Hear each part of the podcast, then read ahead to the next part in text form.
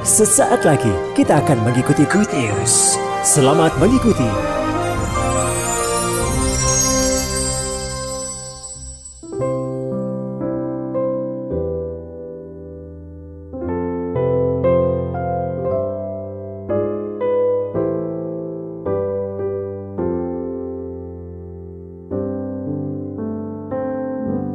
Saya mengucapkan shalom, salam sejahtera buat kita semua. Gongsi Facai. Ya, selamat tahun baru. Saya percaya di tahun yang baru ini Tuhan menyertai dan memelihara setiap kita. Amin. Bapak Ibu Saudara, biarlah sukacita saudara penuh, damai sejahtera Tuhan menyertai setiap saudara dan seluruh keluarga yang ada bersama dengan saudara. Hari ini kita akan masuk dalam satu judul khotbah, tapi sebelumnya saya akan uh, mengumumkan ada tiga teman saudara kita yang akan dibaptis, akan menerima sakramen baptisan pada hari ini. Yang pertama yang nanti namanya disebut bisa bangkit berdiri, lalu kita bisa beri support, bisa beri selamat dan tepuk tangan. Yang pertama saudari Asli, Ashley Clarissa Rovenly. Kita beri tepuk tangan Bapak Ibu Saudara. Yang kedua Christopher Marceliano Suwono. Haleluya. Iya, hari ini juga ulang tahun ya ini. Ya, si Tuhan. Nah, yang ketiga Jessica Valencia. Ya, si Tuhan. Kita beri sekali lagi tepuk tangan yang meriah bagi Tuhan kita. Tiga eh, jiwa ini akan menerima sakramen baptisan setelah uh, ibadah ini berakhir. Silakan duduk. Mari kita segera akan mulai uh, firman Tuhan yang kita akan dengar pada pagi hari ini. Bapak Ibu Saudara, mari kita membuka ayat firman Tuhan di dalam Injil Kristus menurut Markus di pasal yang ketujuh, Bapak Ibu Saudara. Khotbah pada hari ini saya beri judul pelayanan yang mentahirkan hati. Karena ini masih bulan pelayanan, ya jadi uh, kita mau uh, membahas di, di topik yang sama, tetapi berikut penekanannya kepada pelayanan yang mentahirkan hati. Kenapa bicara tentang hati? Kenapa harus ditahirkan? Nanti kita akan pelajari bersama. Tapi mari kita buka Markus pasal yang ketujuh, ya ayat yang pertama. Saya minta kita akan membaca sampai ayat yang keenam. Yang siap baca firman katakan amin.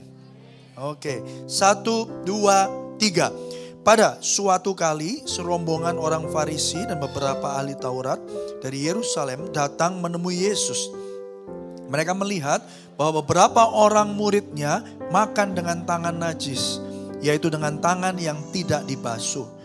Sebab orang-orang Farisi seperti orang-orang Yahudi lainnya tidak makan kalau tidak melakukan pembasuhan tangan lebih dahulu. Karena mereka berpegang pada adat istiadat nenek moyang mereka. Dan kalau pulang dari pasar mereka juga tidak makan kalau tidak lebih dahulu membersihkan dirinya. Banyak warisan lain lagi yang mereka pegang. Umpamanya hal mencuci cawan, kendi, dan perkakas-perkakas tembaga. Lima. Karena itu orang-orang Farisi dan ahli-ahli Taurat itu bertanya kepadanya, Mengapa murid-muridmu tidak hidup menurut adat istiadat nenek moyang kita, tetapi makan dengan tangan najis? 6. Jawabnya kepada mereka, benarlah nubuat Yesaya tentang kamu, hai orang-orang munafik. Sebab ada tertulis, bangsa ini memuliakan aku dengan bibirnya, padahal hatinya jauh dari padaku. Amin. Bapak Ibu, Saudara yang dikasihi Tuhan. Kenapa teguran ini keras kepada orang-orang Farisi ahli-ahli Taurat dan dinyatakan oleh Yesus sendiri padahal mereka mengingatkan ya murid-murid Yesus yang pada waktu itu ya langsung makan tanpa mencuci tangan terlebih dahulu.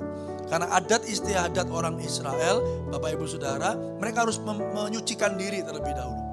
Ya, jadi protokol kesehatan itu ternyata bukan waktu Covid ini saja, Saudara ya. Zaman dulu sudah ada cuci tangan. Saya percaya mungkin waktu itu di Bait Allah juga ada 5M gitu ya, Saudara. Atau gambar cuci tangan itu ada di uh, kisaran Bait Allah. Nah, Bapak Ibu Saudara yang dikasih Tuhan, Kenapa di situ dikatakan bangsa ini memuliakan aku dengan bibirnya, padahal hatinya jauh daripadaku. Saudara, nah ada beberapa hal yang kita harus harus pelajari Bapak Ibu. Ketika itu murid-murid Tuhan Yesus ini tidak cuman hari ini, tidak cuman bacaan hari ini saja, ya mereka itu e, mengalami tantangan. Ya, bahkan waktu hari Sabat pun peraturan tentang Sabat, ya mereka dipandang oleh orang-orang ahli Taurat itu melanggar aturan Sabat. Kenapa? Mereka bekerja ketika hari Sabat. Ya, lalu mereka ditegur ya sama ahli-ahli Taurat. Yesus ditanya, "Kenapa murid-muridmu ya bekerja dan melakukan sesuatu pada hari Sabat, hari yang dikhususkan untuk Allah?" Ya, jadi perdebatan ini, ya ketegangan ini selalu berlanjut, Saudara. Dan ahli-ahli Taurat ini selalu mencari kesalahan. Selalu melihat ada hal-hal yang tidak sesuai dengan adat istiadat mereka. Tapi apa yang terjadi? Ayo kita lihat Bapak Ibu Saudara. Beberapa poin penting yang kita bisa pelajari dan bawa pulang sebagai bekal kita untuk menjadi serupa dengan Kristus. Yang pertama Bapak Ibu. Mengutamakan perbuatan tanpa perubahan hati adalah kemunafikan yang berujung pada pembenaran diri dan kesombongan. Orang Farisi atau ahli Taurat ini mengingatkan satu hal, tapi mereka melanggar hal yang lain. Bahkan mereka me, me, me, memakai ya dalih-dalih agama untuk tidak melakukan hal yang tidak menyenangkan bagi mereka. Kenapa kita bisa tahu Bapak Ibu Saudara? Itu tadi ditegurnya tentang apa? Tentang cuci tangan ya. Tentang menajiskan diri. Betul nggak Bapak Ibu? Ya, padahal dipikir-pikir sebenarnya ya betul juga. Ya, kenapa harus orang harus cuci tangan kalau dari luar? Apalagi pada zaman itu banyak debu, ya saudara ya. Ya kita harus menyucikan tangan, masuk masuk rumah harus basuh kaki, saudara. Itu tradisi, itu adat istiadat orang Yahudi, saudara yang dikasih Tuhan. Jadi bukan bukan sebenarnya bukan sesuatu yang salah. Jadi, jadi jadi jangan pulang dari tempat ini langsung berkata begini, loh ma, anda nih gak usah cuci tangan, ngapain? Gitu. Apalagi ada yang malas mandi. Tuh kan? Ya nggak usah. Mandi itu ah, agamawi yang penting hati. Ya makanya aku sekarang mandi seminggu sekali ya. Saudara nggak apa-apa ya mandi seminggu sekali ya. Saudara yang nggak apa-apa ya tetanggamu yang bermasalah ya jadi bukan seperti itu, nggak masalah, harus bersih untuk kebersihan diri, untuk kesehatan, tapi mengapa dikatakan munafik? Karena apa Bapak Ibu Saudara? Mengutamakan perbuatan atau perubahan tanpa perubahan hati Saudara, itu kemunafikan. Karena ternyata saudara di ayat-ayat kalau saudara baca di Markus pasal yang ketujuh itu, saya kutip beberapa, di ayat yang ketujuh misalnya, percuma mereka beribadah kepadaku sedangkan ajaran yang mereka ajarkan ialah perintah manusia. 8. Perintah Allah kamu abaikan untuk berpegang pada adat istiadat manusia. Yesus berkata kepada pula kepada mereka, sungguh pandai kamu mengesampingkan perintah Allah supaya kamu dapat memelihara adat istiadatmu sendiri. Karena Musa telah berkata, hormatilah ayah dan ibumu dan siapa yang mengutuki ayahnya atau ibunya harus mati. Tetapi kamu berkata, 11, kalau seorang berkata kepada bapaknya atau ibunya, apa yang ada padaku yang dapat digunakan untuk pemeliharaanmu, sudah digunakan untuk korban yaitu persembahan kepada Allah, maka kamu tidak membiarkannya lagi berbuat sesuatu pun untuk bapaknya atau apa? Ibunya. Lihat ya, dengan demikian firman Allah kamu nyatakan tidak berlaku demi adat istiadat yang kamu ikuti itu. Dan banyak hal lain seperti itu yang kamu lakukan. Jadi ternyata Bapak Ibu Saudara mereka mematuhi adat istiadat itu perubahan tingkah laku tersebut Bapak Ibu Saudara tidak disertai dengan perubahan hati. Ada hal-hal yang dilanggar dari firman Allah jadi mereka punya standar yang berbeda. Makanya saudara coba lihat di ayat yang kelima dan ayat yang ketujuh di slide saya dikatakan demikian. Mengapa murid-muridmu tidak hidup menurut adat istiadat nenek moyang kita. Tetapi makan dengan tangan apa? Najis. Ya, mau cuman mau nunjukkan kesalahannya aja. Padahal di satu sisi yang lain ketika ada aturan hormatilah ayah dan ibumu itu, ya saudara tadi sudah baca, mereka katakan begini, ya ini kan sudah uangnya sudah aku berikan ke rumah Tuhan. Jadi aku sekarang nggak punya uang, aku nggak punya kewajiban lagi untuk memelihara ayahku dan ibuku. Saudara perhatikan ya, ada standar yang berbeda dan yang dipilih adalah hal-hal yang mengenakkan diri mereka sendiri. Mereka menganggap, saudara, dengan mereka menegur murid Kristus, mereka lebih rohani, mereka lebih suci, mereka lebih kudus. Tapi Tuhan ngomong apa Bapak Ibu Saudara? benarlah nubuat Yesaya tentang kamu. Jadi sudah dinubuatkan bahwa ternyata bangsa ini memuliakan dengan memuliakan aku dengan bibirnya, tetapi atau padahal hatinya apa? Jauh daripadaku. Ya, jadi lain di mulut, lain di hati.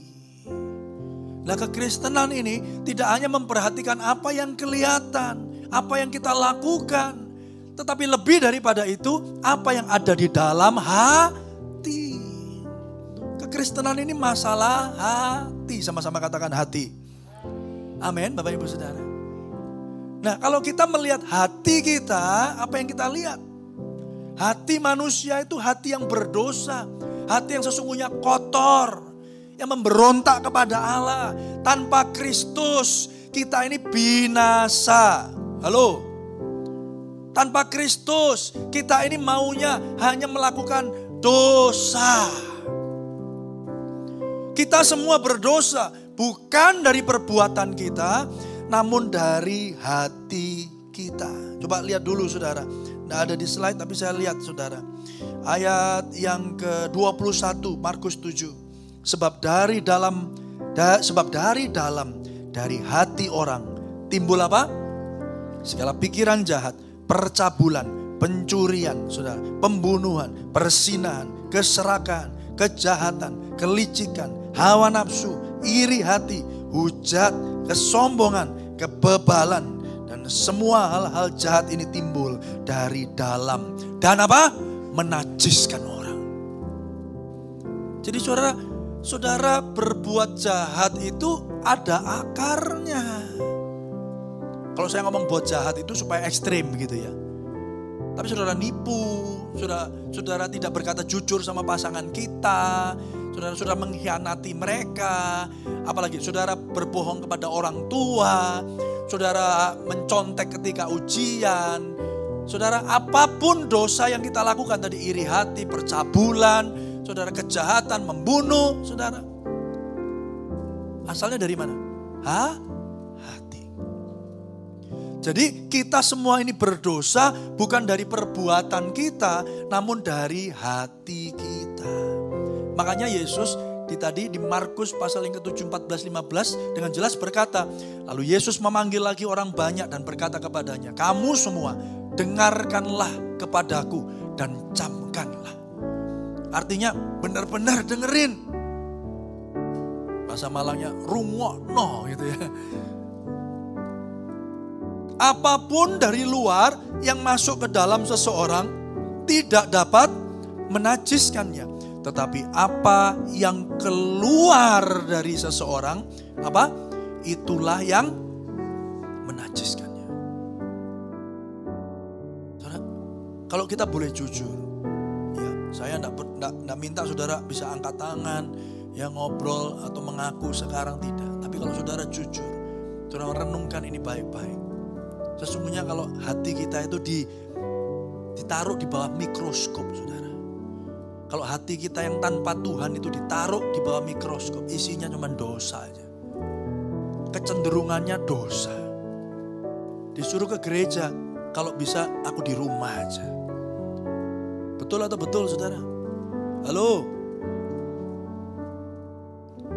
Ada piala dunia sama ada doa puasa. Pilih mana saudara?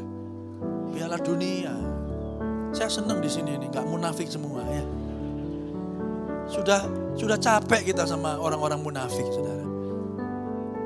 Tapi belum berhenti di sini. Saya mau kasih, saya, saya mau kasih katakan, saya mau katakan seperti ini, bapak ibu saudara, bahwa kita harus menyadari keberdosaan kita ini. Seringkali orang Kristen itu tidak menyadari keberdosaannya. Sampai pada satu titik dia merasa lebih benar daripada orang lain. Dan dengan mudah dari mulutnya keluar penghakiman. Saudara, tapi kalau saudara hari ini menyadari bahwa saudara berdosa. Saudara nggak layak dapat anugerah Tuhan. Tapi saudara mendapatkannya, maka saudara akan bersyukur. Betul nggak Bapak Ibu Saudara? Betul? Kalau vonis itu sudah ada buat saudara, engkau akan dihukum. Engkau mati. Tapi ternyata engkau nggak jadi mati. Seneng nggak? Makanya Bapak Ibu Saudara, kesadaran akan keberdosaan dan betapa dalamnya kita jatuh, itu penting bagi setiap kita orang percaya. Dan itu harus berlaku setiap hari. Lupa kita ini kan ciptaan yang baru, manusia baru. Iya, tapi kalau kita berkata kita ini ciptaan baru, kita ini manusia baru, itu pun juga datang dari anugerah. Yang percaya katakan amin. Bukan karena kita setitik layak untuk menerimanya, tidak. Oleh karena itu Bapak Ibu Saudara yang dikasih Tuhan. Upaya dari luar untuk mentahirkan hati manusia, kita temukan sia-sia. Kalau nggak sia-sia, Bapak Ibu Saudara, saya beritahu, Yesus tidak perlu repot-repot datang ke dunia. Kalau hukum Taurat itu, Saudara, bisa dilakukan dengan sempurna oleh manusia, satu saja, maka Yesus tidak perlu datang. Betul nggak Bapak Ibu? Kenapa? Yesus tinggal ngomong gini, itu loh koncomu iso, masuk awakmu gak iso. Bener ya? Contohin dia. Kalau ada satu nabi aja, saudara, yang layak, saudara, Yesus tidak perlu datang. Tapi kenyataan bahwa Yesus datang ke dunia, itu karena apa? Manusia telah jatuh di dalam dosa dan kehilangan kemuliaan Allah. Dan upah dosa itu apa? Maut. Dan karena begitu besar kasih Allah akan dunia ini, karena sedemikian rupa sehingga dia apa? Mengaruniakan anaknya yang tunggal supaya barang siapa yang percaya tidak bi binasa. Oleh itu, oleh, untuk itulah saudara, Tuhan hadir. Tuhan mati di atas kayu salib bagi saudara. Karena terbukti upaya untuk mentahirkan kita dari luar ke dalam itu sia-sia. Bahkan begini, manusia punya pemikiran, kalau saya ibadah cukup sering, kalau saya ibadah cukup konsisten, mungkin saya bisa tahir. Mungkin saya bisa disucikan dari dosa saya. Bahkan sering kali orang masuk memiliki apa masuk dalam sebuah pelayanan, memiliki sebuah motivasi untuk apa Bapak Ibu Saudara? Menggunakan pelayanan untuk menutupi rasa bersalahnya. Dia pikir dengan dia rajin pelayanan, maka Tuhan akan sayang dia. Dia pikir ketika dia melayani Tuhan, maka perasaan kurang itu dapat dipenuhi. Dia berusaha dengan kekuatannya sendiri, bahkan kita bisa lihat pelayanannya lebih rajin dari orang-orang lain. Tetapi ada yang salah dengan apa? Motivasi. Saudara, bisa jadi kita melayani karena apa Bapak Ibu Saudara? Merasa kurang berarti. Jadi ketika saya melayani Tuhan, lalu ada orang yang berkata, eh bagus tadi pelayanannya, thank you ya, luar biasa, khotbahmu keren. Nah, itu pun dulu saya alami. Dan ketika saya turun lalu tidak ada yang kasih selamat. Eh bagus pak khotbahnya. Ngerti saya. Hebat bapak. Tambah canggih sekarang khotbahnya. Tidak dipuji. Saya jadi kurang apa? Kurang merasa berarti. Buntutnya apa bapak ibu saudara? Saya demotivasi. Aduh males pelayanan aku. Nah gini caranya. Percuma. Aku udah udah persiapan sungguh-sungguh. Ya, aku tidak ada yang muji saya. Lihat ini saudara. Ternyata pelayanannya adalah untuk apa? Dalam upayanya dia untuk mendapatkan rasa berarti.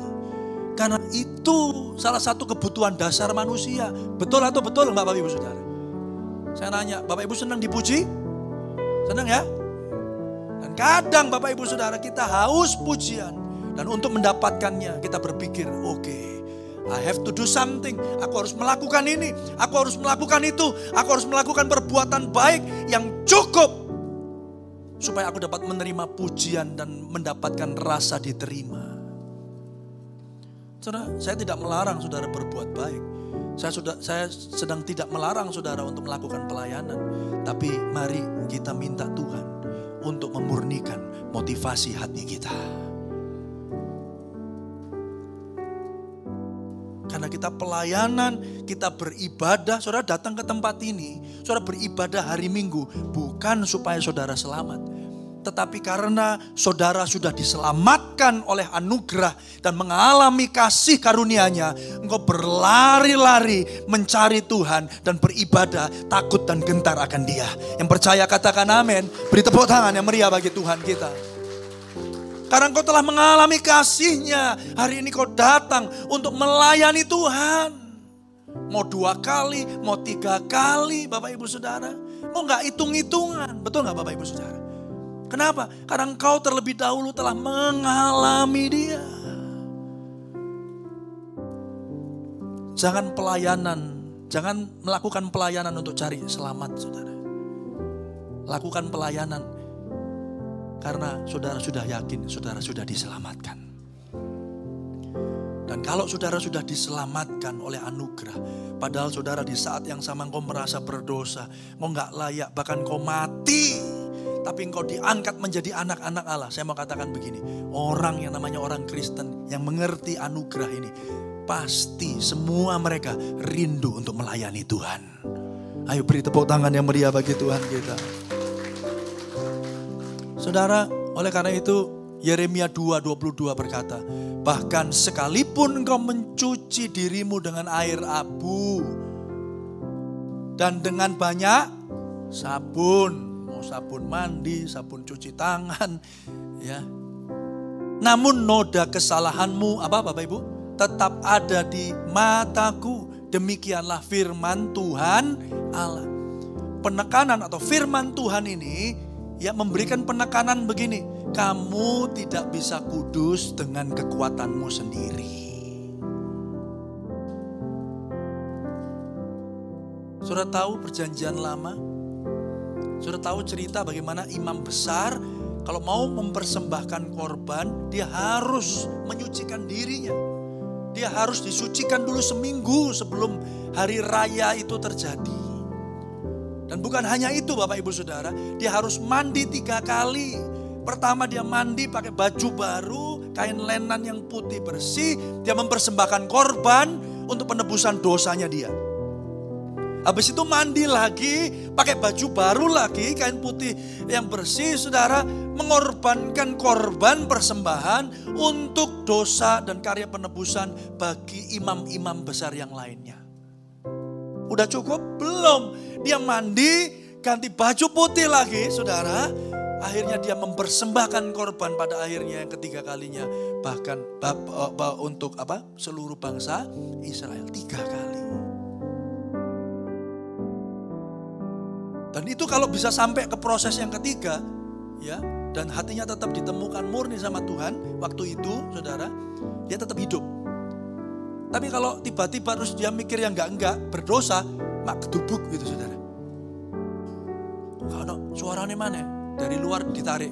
Kerincing, kerincing, kerincing. Lo, wis game over, saudara. Ganti lagi, saudara. Seperti itu. Tapi apa yang terjadi? Ayo saudara, saya minta saudara buka sebentar di dalam Zakaria. Ya, ini nggak ada di slide saya. Di Zakaria pasal yang ketiga, ya, di situ dikatakan demikian. Ayat yang ke dua. Lalu berkatalah malaikat Tuhan kepada iblis itu, Tuhan kiranya menghardik engkau hai iblis, Tuhan yang memilih Yerusalem kiranya menghardik engkau. Bukankah dia ini puntung yang telah ditarik dari api? Tiga, adapun Yosua mengenakan apa? Pakaian yang kotor waktu dia berdiri di hadapan malaikat itu. Saudara, Ayat pertama tadi dikatakan kemudian ia memperlihatkan kepadaku imam besar Yosua berdiri di hadapan malaikat Tuhan. Ini Sakaria diberi penglihatan sama Tuhan tentang imam besar Yosua berdiri di hadapan malaikat Tuhan sedang melakukan pekerjaannya mewakili bangsa Israel untuk menebus dosa mereka. Ya, Yosua imam besar, saudara, sedang melakukan pekerjaannya, ya, dan berdiri di hadapan malaikat Allah. Tapi Sakaria ditunjukkan sama Allah apa? Saudara, ayat yang ketiga, adapun Yosua imam besar itu mengenakan pakaian yang apa? Yang kotor. Artinya Artinya gini Bapak Ibu Saudara. Tuhan mengizinkan Zakaria untuk bisa melihat manusia seperti Tuhan melihat kita. Artinya apa? Tuhan itu ngomong gini, apa pun yang kau usahakan, apa pun yang kau upayakan, bahkan dengan mengikuti adat istiadat, hukum yang ada untuk menjadi bersih, suci di hadapanku mau mandi tiga kali, ganti baju tiga kali. Engkau tadi lihat, Zakaria itu pakai apa? Pakaian kotor. Padahal di dalam adat orang Yahudi itu tidak mungkin terjadi. Wong setiap kali mandi dikasih pakaian baru, tapi di hadapan Tuhan tetap kotor. Sampai kapan? Tuhan mau ngomong begini, akan ada Yosua yang sesungguhnya. Yosua, Yesua, Yesus yang akan datang menebus setiap dosa kita dan kita akan disebut kudus di hadapan Allah. Mari beri tepuk tangan yang meriah bagi Tuhan kita. Hanya satu imam besar yang sanggup memurnikan saudara namanya Yesus. Dialah Yosua yang sesungguhnya. Kata Yosua, Yesua, Yesus itu artinya sama. Cuman bahasanya beda-beda. Ada Aram, ada Yunani, ada ada bahasa Ibrani. Ini penggambaran betapa indahnya. Saudara, kembali kepada ayat firman Tuhan itu dikatakan penyucian dari dalam keluar itu digenapi melalui Yesus Kristus. Yosua yang sesungguhnya yang percaya katakan amin. Kalau Yosua tadi imam besar, yang dia, yang dipandang manusia itu layak untuk mewakili orang Israel di hadapan Allah, itu saja dilihat Tuhan pakai pakaian apa? Kotor. Tapi ada Yosua yang sesungguhnya namanya Yesus Kristus yang berdiri di depan pengadilan Allah untuk membela kar, membela perkara saudara. Dan tidak hanya membela perkaramu tetapi dia yang menggantikan engkau yang harusnya mati di di atas kayu salib karena dosa dan pelanggaran kita. Karena keadilan Allah dosa itu harus ada yang dihukum. Maka dia yang menggantikannya supaya saudara yang harusnya mati oleh dosa dan pelanggaran kita hari ini kita bisa hidup dan disebut anak-anak Allah kalau saudara mengerti ini Bapak Ibu Saudara. Saya percaya hati kita diubahkan Tuhan. Dan kalau hati kita diubahkan Tuhan. Saudara, buah dari hati yang diubahkan adalah perbuatan yang berubah. Yang percaya katakan amin. Hidup yang berubah. Makanya selalu saya ingatkan, sempurna apa? Belum. Supaya kita ini tidak sombong, supaya kita ini tidak puas diri, supaya kita tidak ngomong begini, hei aku bisa sampai di sini, aku bisa melayani Tuhan, oh aku bisa pergi ke mana-mana, oh aku bisa berdiri di hadapan orang banyak, oh itu karena aku, karena kehebatanku, karena hikmatku, tidak. Kita belum sempurna, tapi berubah pas karena karya Roh Kudus terus bekerja di dalam kita, yang terus menobatkan kita, yang terus mengubahkan kita dari hari ke sehari oleh anugerahnya yang sempurna sampai saudara menjadi serupa dengan Yesus. Billy Graham berkata, pekerjaanku adalah untuk memberitakan Injil yang memiliki kuasa untuk mengubah hidup manusia dari apa? Dari dalam. Saudara, Bapak Ibu yang dikasih Tuhan. Saudara bisa dengarkan motivator. Bahkan saudara bisa mendengarkan khotbah-khotbah moralistik yang mengubahkan perbuatan saudara, mengubahkan perilaku saudara. Tetapi kalau hal itu tidak menyentuh dan mengubahkan hatimu, maka saya mau katakan bahkan perubahan perilaku sekalipun itu akan menjadi sia-sia. Kok bisa Pak? Karena ujung-ujungnya pasti kena hatinya.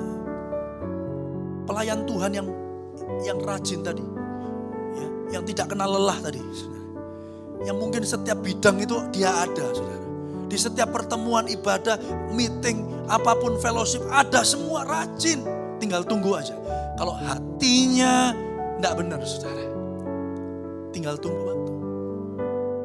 Bisa jadi dikecewakan sama temannya. Tidak merasa puas. Jenuh tidak merasa konten lagi. Ah kalau cuma lakukan begini-begini aja, saya ini S1, saya ini S2 loh, sarjana. Mosok kon setiap kali pelayanan saya ditempatkan di tempat parkir suruh ngatur mobil, ngatur motor. Mereka nggak tahu siapa saya. Loh, lah siapa lo? Benar nggak tuh, saudara? Rajinnya boleh, tinggal tunggu waktu. Ketika itu kena hatinya, Makanya ujian yang sesungguhnya adalah ketika saudara tidak di, tidak dipuji, tidak mendapatkan imbalan, tidak di, bahkan tidak tidak dilihat sama orang, tapi kau tetap melakukannya. Kenapa? Karena segala sesuatunya dimulai dari hati yang murni dengan sebuah kesadaran bahwa kalau aku ada hari ini itu semua karena Tuhan. Aku sih tidak layak, tapi aku hari ini dilayakkan Tuhan. Yang percaya katakan amin itu sebuah kehormatan. Jadi kalau hari ini saudara bisa melayani Tuhan, itu kehormatan. Yang percaya katakan amin. Jangan pernah tinggalkan panggilan Allah. Karena setiap saudara, saudara diciptakan dari Kristus Yesus. Saudara ini buatan Allah. Melalui apa? Melalui Kristus Yesus. Engkau menjadi ciptaan yang baru. Yang baru itu apanya dulu? Hatinya Pak Bu Hatinya harus berubah dulu. Saudara yang dikasih Tuhan. Oleh karena itu, Bapak Ibu Saudara, Injil selalu berbicara mengubahkan hati terlebih dahulu sebelum mengubah perilaku kita. Dan yang berikutnya, ia menyatakan semua halal karena Yesus telah menggenapi karya penebusan kita. Saudara yang dikasih Tuhan, kita lihat dulu ayatnya tadi ya. Markus 7 ayat 18 19. Saya belum baca. Maka jawabnya, apakah kamu juga tidak dapat memahaminya? Tidak tahukah kamu bahwa segala sesuatu dari luar yang masuk ke dalam seseorang tidak dapat menajiskannya? Karena bukan masuk ke dalam hati tetapi ke dalam perutnya lalu dibuang di jamban. Dengan demikian ia, baca sama-sama yuk, menyatakan semua makanan. Ada amin? Uh, buantan amin ya saudara. Ibadah tadi sebelumnya saudara malah ada yang tepuk tangan saudara. Karena mungkin tahu habis ini mau party, mau pesta saudara, mau makan-makan halal. Bedakan saudara, Tuhan tidak ngomong begini, iya ia berkata semua makanan halal. Bukan, dia ngomong gini, dia menyatakan semua makanan halal. Ini juga bukan berarti lalu saudara ngomong gini, oh kalau gitu saya boleh makan apa saja. Memang saudara boleh makan apa saja. Boleh saudara makan apa saja. Ya, itu tidak menjadi syarat lagi, menjadi syarat keselamatan saudara. Tapi lalu bukan berarti terus habis itu setelah ini ya sarapan babi, makan siang babi, ya makan malam babi. Ya, aku mau snack dulu. Ya mana? Anu cuci mulutnya. Cuci mulutnya apa? Babi, saudara. Saya pernah ke Manado itu, saudara. Makanannya, ya ampun Tuhan. Dari mulai yang haram sampai haram, saudara. Semua itu yang keluar itu, waduh, ini kolesterol berapa ini, saudara ya Makanya kalau diajak begitu tuh harus obat harus lengkap saudara ya. Ya ini om manusia ya. Sudah tahu tuh nggak boleh makan aja. Nanti baru minum obatnya. Loh ya gitu kan. Ya, saudara yang ketawa tahu maksud saya saudara. Jadi ia menyatakan halal itu artinya begini. Melalui perkataannya. Dan ayat 19 ini merujuk kepada kejadian ketika penciptaan dia katakan Allah menciptakan terang maka terang itu jadi. Jadi saya mau katakan Bapak Ibu Saudara apa yang dikatakan Tuhan pasti terjadi. Jadi kalau soal makanan kita nggak pusing. Tapi yang penting bagaimana kondisi hati kita. Saudara yang dikasih Tuhan setiap hukum Taurat harus digenapi. Namun bukan oleh kekuatan kita tetapi oleh Yesus bagi kita percaya katakan amin. Itu merujuk pada Matius 5, 17. Ayo lihat coba. Matius 5, 17 itu begini. Janganlah kamu menyangka bahwa aku datang untuk meniadakan hukum Taurat atau kitab para nabi. Aku datang bukan untuk meniadakannya, melainkan untuk apa? Mengenapinya. Seakan Tuhan ngomong begini, hei namanya dosa harus tetap dihukum. Namanya dosa itu harus mati hukumannya. Upah dosa itu Oh, Roma 6:23. Dan manusia jatuh di dalam dosa dan kehilangan kemuliaan Allah. Allah itu adil. Yang berdosa harus dihukum. Makanya dibilang hukum Taurat tetap berlaku, harus.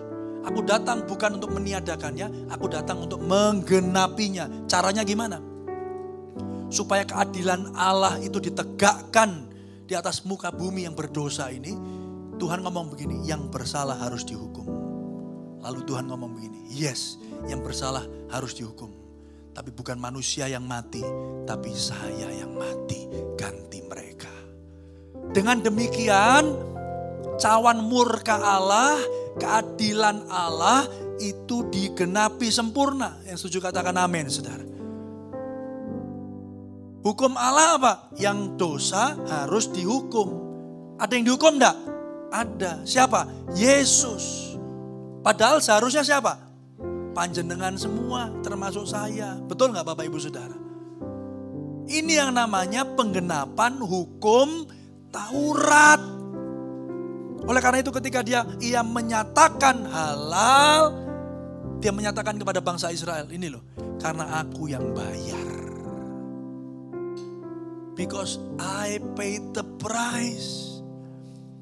Itu kayak saudara diajak teman saudara makan prasmanan di restoran. Ya. Akan menjadi haram kalau setelah saudara makan terus saudara lari pulang tidak bayar. Betul? Jangan sampai gitu ya jemaat. Benar nggak? Ya, saya pernah dapat cerita itu ya ada dua teman andok soto. Soto terkenal di Surabaya saudara.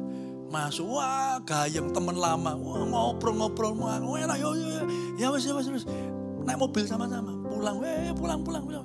Sampai di mobil ya, sudah mau diantar ke kantornya temennya lagi. Thank you loh ya, nanti sering-sering nanti kita ketemu lagi, ajak suami, eh, ajak istri kita. Iya, iya, iya, bener, bener, bener.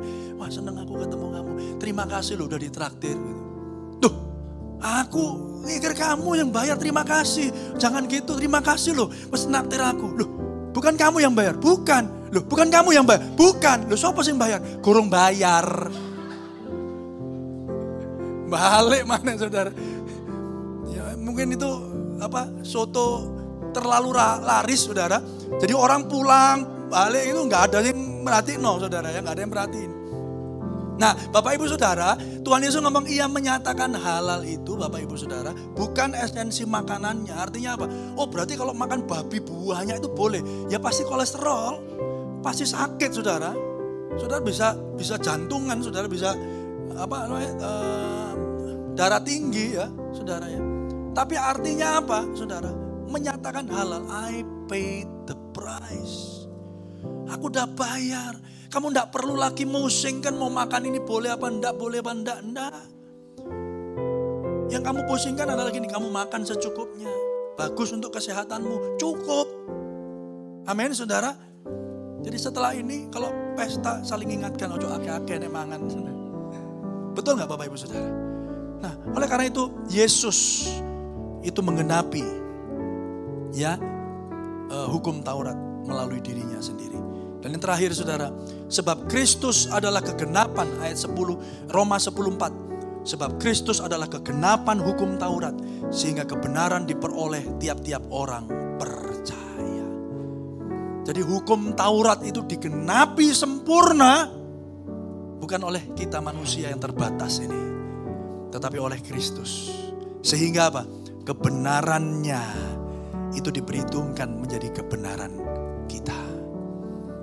2 Korintus 5 21 mengingatkan kita bahwa dia yang tidak mengenal dosa telah dibuatnya menjadi dosa karena kita. Supaya dalam dia kita dibenarkan oleh Allah.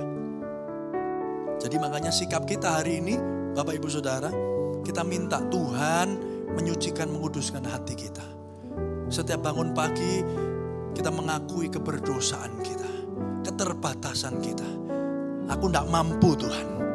Tapi kalau hari ini Tuhan memampukan aku, itu semua anugerahmu.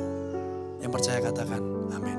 Sehingga di dalam langkah, setiap langkah kehidupan kita, kita selalu bergantung hanya kepada dia. Di atas kayu salib terjadi pertukaran antara Yesus dengan saudara.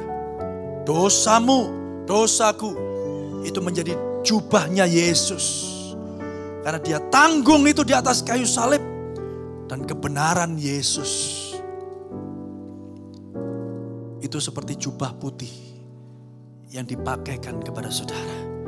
Kebenaran Yesus diperhitungkan menjadi kebenaran kita. Yesus mati agar kita yang najis ini, yang kotor ini dikuduskan untuk hidup dalam perubahan dan berbuah bagi Tuhan. Yang percaya katakan amin. Jadi tahun 2023 apa yang kita rindukan saudara? supaya kita menjadi serupa dengan dia. Hidup kita mengalami perubahan demi perubahan. Orang boleh atau dapat mengecap kebaikan Kristus melalui apa yang saudara kerjakan. Saudara, pada akhirnya Timothy Keller berkata begini, perubahan tidak terjadi melalui mencoba lebih keras. Artinya apa? Perubahan tidak terjadi ketika saudara dan saya mencobanya, melakukannya dengan kekuatanmu sendiri. Mungkin berubah sebentar, nanti balik lagi. Mungkin tobat sebentar, nanti rusak lagi. Perubahan tidak terjadi melalui mencoba lebih keras, tetapi hanya melalui perjumpaan yang radikal dengan anugerah Tuhan. Hari ini, saudara, Mari kita mengalami Tuhan. Mari kita berdiri di dalam di dalam hadiratnya dan berkata, It is me Lord. Ini aku Tuhan. Saudara tidak sedang membawa daftar prestasi saudara. Tuhan, ini loh aku udah nyumbang. Ini loh aku udah persembahan. Ini loh aku udah begini dan begitu. Aku udah pelayanan Tuhan. No, saudara datang dengan pengakuan Tuhan, aku berdosa di hadapan Tuhan. Aku tidak mampu melakukan melakukan ini sendiri. Aku butuh anugerahmu. Dan di bawah kaki Kristus, engkau dimampukan Tuhan untuk dikuduskan, untuk dilayakkan, dan diubahkan. Mari kita berdoa. Mari kembali merenungkan kebaikan Tuhan pada hari ini Bapak Ibu Saudara. Melalui pengorbanannya, dia membersihkan hati kita. Melalui setiap tetesan darahnya. Dia sedang memakaikan jubah yang putih, bersih, kudus kepada saudara. Saudara pandang salib Kristus. Dia tergolek lemas. Tidak cuma lemas saudara, dia mati. Supaya saudara dihidupkan. Dia jadi kotor di hadapan Allah. Dia yang kudus jadi berdosa karena saudara. Supaya kita yang kotor ini dikuduskan Allah. Bapak, hambamu telah selesai menyampaikan apa yang menjadi isi hatimu. Engkau yang menyempurnakan, engkau yang memeteraikan. Engkau bekerja di dalam hidup kami. Lanjutkan karyamu Tuhan sempurnakanlah. Biarlah setiap kami ada dalam sebuah perjalanan menuju kepada keserupaan Kristus. Biarlah kami boleh melihat bahwa apa yang kami upayakan dengan usaha kami sendiri adalah sia-sia. Kami tidak menjadi tidak bisa menjadi orang baik hanya dengan mengikuti aturan, mengikuti adat istiadat dan moralitas yang ada. Kami tetap kotor di hadapan Tuhan. Tapi hari ini biarkan kami yang kotor ini dikuduskan melalui setiap tetesan darahmu. Engkau yang kudus, engkau yang suci jadi kotor supaya kami yang najis boleh dikuduskan Allah. Bapa, teruskan karyamu bagi setiap jemaatmu yang ada. Berkati setiap pergumulan mereka. Buat kami mengerti bahwa apa pun permasalahan kami dalam hidup kami tidak sebanding dengan kemuliaan yang Tuhan sediakan melalui kematian dan kebangkitan Kristus. Terima kasih Bapak, Terima kasih. Kami juga berdoa bagi gereja di tempat ini. Bagi Vision Day yang akan dilakukan minggu depan. Berkati Pak Gembala, berkati seluruh pejabat, diaken, diakones. Berkati para penatua yang ada. Berkati staf Gembala dan juga seluruh volunteers yang melayani Tuhan. Bukan untuk selamat. Tapi karena kami sudah diselamatkan oleh kuasa darah sehingga kami mau melayani Tuhan dengan kasih-Mu yang sejati. Terima kasih Bapak memberkati kota di mana kami tinggal. Mari Bapak Ibu Saudara berdoa bagi kota Saudara. Berdoa bagi wali kota, bupati yang ada. Kami berdoa ada kesejahteraan di dalam kota ini. Biarlah orang-orang percaya menjadi garam, menjadi terang, menjadi berkat, menjadi dampak di mana pun kami berada. Ketika kami bekerja sebagai guru, sebagai dokter, sebagai pengusaha, sebagai ibu rumah tangga, apa pun profesi jabatan kami, Tuhan kami menjadi wakil Allah di tengah-tengah dunia. Tuhan terima kasih Bapak, berkati Indonesia, memasuki tahun-tahun politik kami tahu Allah tetap Allah yang berdaulat. Dan kehendakmu saja yang jadi atas bangsa ini. Berkati Bapak Presiden, Tuhan kami percaya memberkati dia dengan hikmat, dengan ketajaman Tuhan. Untuk terus dapat mengerjakan tugas dan tanggung jawabnya sampai periodenya berakhir. Kami berdoa juga pembangunan NICC terjadi bukan untuk kebanggaan manusia dan organisasi, tapi untuk menyatakan kemuliaan Allah. Tuhan cukupkan, Tuhan berkati para kontraktor, arsitek, Tuhan semua konsultan yang terlibat di dalamnya. Kamu berdoa di dalam nama Yesus. Tuhan biarlah karya Tuhan terus bekerja. Melindungi menyertai mereka. Dan memastikan semua dapat berjalan dengan baik. Bahkan diselesaikan sempurna sesuai dengan rencana. Terima kasih Tuhan. Terima kasih. Berkati hamba-hambamu yang sedang bergumul hari-hari ini dengan sakit penyakit, dengan permasalahan keluarga. Tuhan yang begitu berat yang mengimpit kami. Ajar kami untuk terus dapat melihat Selalu ada kemuliaan di, balik salib Kristus. Terima kasih Tuhan berkati ketiga saudari, saudara-saudari kami. Berkati Ashley, berkati Christopher, Marce, Liano, berkati Jessica, Valencia yang sebentar akan menerima sakramen baptisan. Kami berdoa Tuhan ketika mereka mulutnya, lututnya bertelut, lidahnya mengaku Yesus Kristus Tuhan. Bila mulai hari ini hidup mereka tidak akan pernah sama lagi mereka terus dibawa Tuhan, dituntun Tuhan dengan tangan kananmu yang kuat menuju kepada keserupaan Kristus. Terima kasih Bapa, di dalam nama Yesus kami berdoa. Amin.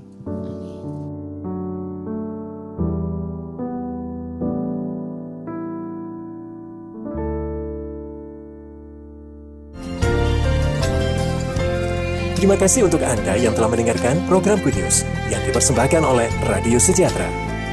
Untuk Anda yang rindu mendapatkan layanan konseling dan dukungan doa, silakan menghubungi hotline 0812 33 33 6392. Para konselor dan para pendoa Diaspora Sejahtera Caring Ministry siap untuk melayani Anda. Tuhan Yesus memberkati.